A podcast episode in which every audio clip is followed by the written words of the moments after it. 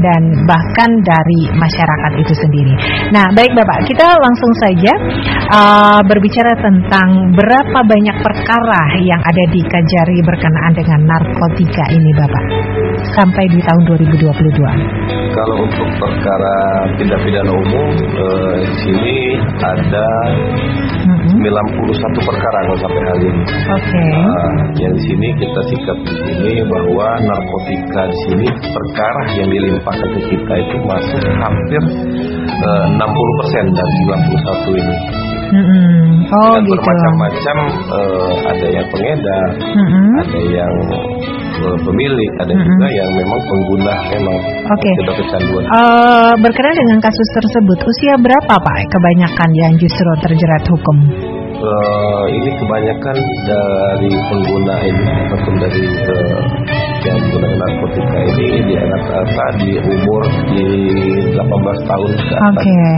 Oh, 18 tahun ke atas ya. ya. Pernah terjadi kasus anak-anak usia dini Pak terjerat hukum narkoba? Ada. Mm -hmm. Itu anak-anak itu Bapak Reno pernah pegang. Uh, gimana Pak Reno untuk Kabupaten Oku Timur tentang uh, anak usia dini yang terkena kasus narkotika ini?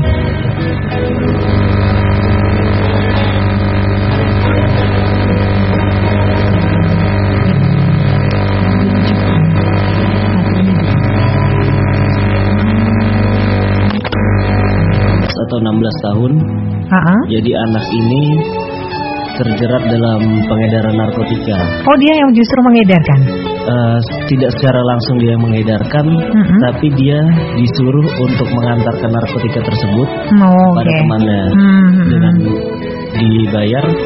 Imbalannya itu anak ini nanti dikasih gratis ikut mengkonsumsi narkotika. Oh ya ampun. Oke, tapi sejauh ini kasusnya sudah diselesaikan, Pak? Sejauh ini sudah diselesaikan. Dan uh, apakah proses penyelesaiannya ini uh, kan usia dini nih, Pak? Kita tahu bahwa usia dini ini uh, apa ya namanya kasus penyelesaiannya berbeda dengan yang justru sudah usia dewasa ya, Pak ya. Kalau untuk uh, penyelesaiannya kita tetap mengikuti undang-undang perlindungan anak, Pak ya. Mm -hmm. Jadi untuk kategori anak ini memang hukumannya berbeda dengan kategori dewasa. Oke, okay, baik. Dan semuanya bisa diatasi dengan baik ya, Pak ya. Yeah. Oke. Okay.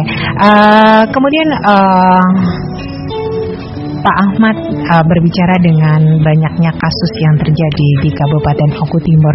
Apa sih yang menjadi pemicu nih faktor dari pengguna narkotika sendiri hingga mencapai 60% kasus di Kabupaten Oku Timur, Bapak? Kalau di sini kita lihat uh, yang pastinya coba-coba. Oh, coba-coba ya, iseng-iseng berhadiah gitu ya, Pak ya. Iya. Oke. Okay. Dari sekolah ataupun dari tempat nongkrong mereka dari mm -hmm. kuliah nggak uh, langsung pulang ke rumah. Oh gitu. Uh, ke warung, duduk-duduk, mm -hmm. ngobrol, mm -hmm. kami main game.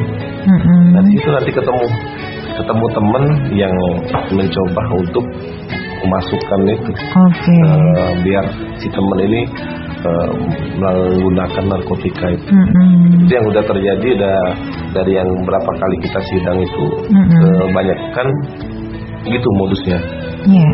Ya, dan juga malahan uh, uh, di sini anak-anak memang jadi target mereka Right. karena anak-anak kan masih uh, ada rasa takut mm -hmm. dengan orang yang lebih tua Iya yeah, betul. Ya sehingga mengikuti mm -hmm. ya, anak SMA sama anak SMA dengan yeah. dia bergaulnya dengan yang lebih tua kan gitu. Oke, okay, baik. Ikutin kakak ya. Ah, ah, ah, ah, ah. Jadi pergaulan di mereka yang sangat berpengaruh ya Pak ya. Dari Jadi, minuman keras ya. Dari minuman keras diawali ya. Ya diawali dari minuman keras uh -huh. dan bahkan uh, ada juga Aibon juga. Oh ya, lem Aibon itu gimana nih Pak kasusnya penanganannya? Karena saya dengar di wilayah Martapura ini justru banyak juga nih anak-anak yang uh, melakukan hal tersebut itu Bapak. Iya, kalau untuk ke lem Aibon ini di Martapura udah hampir setiap hari kita mm -hmm. kadang masih uh, melihat kan melihat yeah. anak yang di pinggir jalan itu mm -hmm. uh, menggunakan lem Aibon.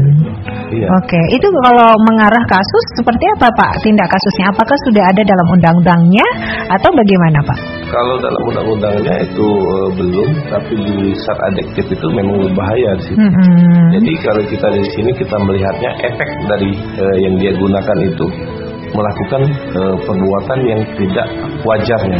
Oke. Okay. Ya seperti pencurian, mm -hmm. uh, pemukulan. Oh iya. Ya, jadi jatuhnya kasus seperti kenakalan remaja ya Pak ya larinya ke sana. Jadi uh, dalam hal ini dia mencuri tadi, mm -hmm. pas memiliki uang tadi nggak lagi beli iPhone dia. Iya, ya. oke. Okay. Karena dia uh, kebanyakan udah mengenal narkotika juga. Betul. Ya, okay. Dia dari pencurian itu mm -hmm. beli narkoba. Baik, Bapak, terima kasih. Oke, okay. uh, eh, Pak Reno berbicara tentang uh, ketergantungan narkoba, kita tahu. Nah, ini seperti apa, Pak, uh, tentang ketergantungan narkoba ini sendiri? Kalau ketergantungan ini kita sebutkan sebagai dia penyalahguna. Mm -hmm. Sedangkan penyalahguna ini dapat juga diartikan dia adalah korban dari peredaran narkotika. Yeah. Maka dari itu terhadap penyalahguna narkotika ini sendiri ketika kami nanti menerima ada berkas perkara dari penyidik baik sebelum dilimpahkan ke pengadilan kami juga uh, meneliti berkas tersebut -huh. apakah uh, tersangka yang disangkakan di tindak, tindak pidana narkotika ini -huh. dia termasuk pengedar atau dia selaku penyalahguna narkotika. Oke. Okay. Karena kalau memang dia nanti berdasarkan fakta di persidangan juga terbuktinya selaku penyalahguna narkotika mm -hmm. dapat dilakukan rehabilitasi mm -hmm. pada orang tersebut. Oke, baik. Terima kasih untuk Pak Reno dan uh, ke Pak Eko Syaputra ya berbicara tentang um, banyaknya jenis narkotika yang ada uh, mungkin bisa ditemukan di Kabupaten Oku Timur. Ini apa, Pak?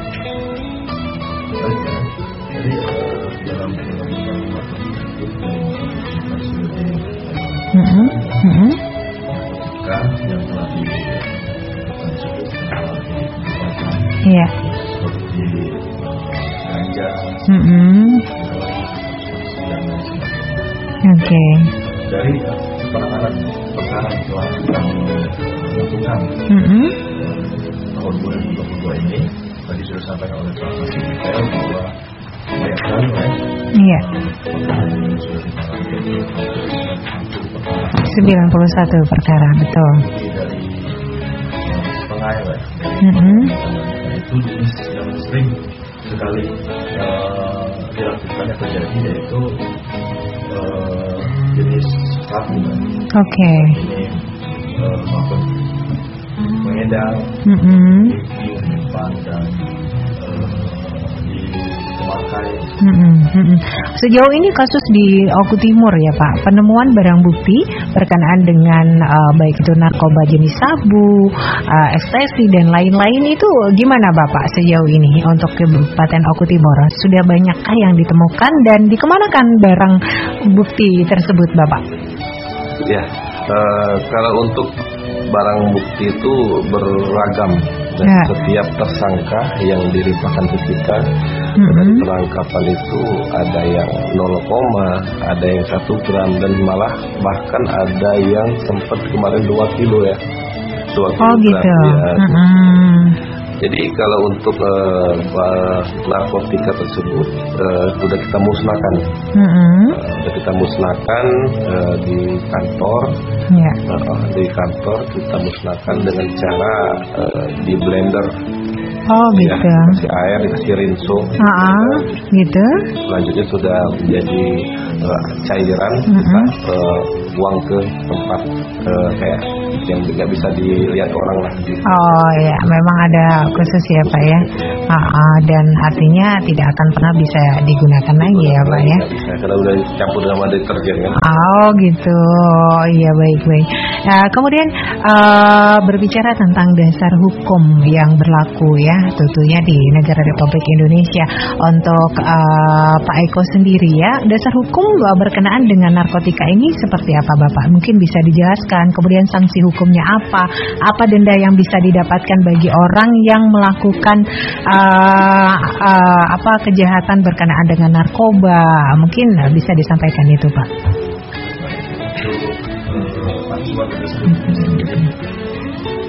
Dasar hukumnya iya. itu kita mengacu kepada peraturan perundangan nomor hmm. 35 tahun 2009 tentang yeah. narkotika. Di sana sudah dijelaskan uh, sanksi-sanksi uh, ya, yeah, baik itu bagi pengedar, hmm. baik itu bagi orang yang memiliki, hmm. menyimpan dan juga uh, penyalahguna. Hmm. Nah, contoh misalnya itu uh, seseorang yang memiliki atau okay. menyimpan uh, narkotika tersebut uh, itu di pasal 112 mm-hmm. itu uh, ancaman hukuman sendiri itu paling singkat 4 tahun dan lama 12 tahun dan bisa dikenakan denda pula okay. itu sebesar 800 juta rupiah sampai dengan 8 miliar. Oke. Okay. Nah, uh, itu untuk yang uh, kategori menyimpan memiliki. Menyimpan atau hmm. memiliki. Nah, Oke. Okay. Untuk yang mengedar atau uh -huh. menjual, membeli atau sebagai perantara itu diatur di dalam pasal 114-nya uh -huh.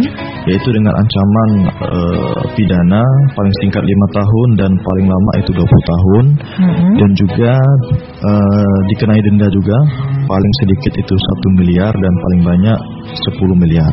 Oh, Untuk uh, penyalahgunanya sendiri itu diatur di dalam pasal 127-nya. Mm -hmm.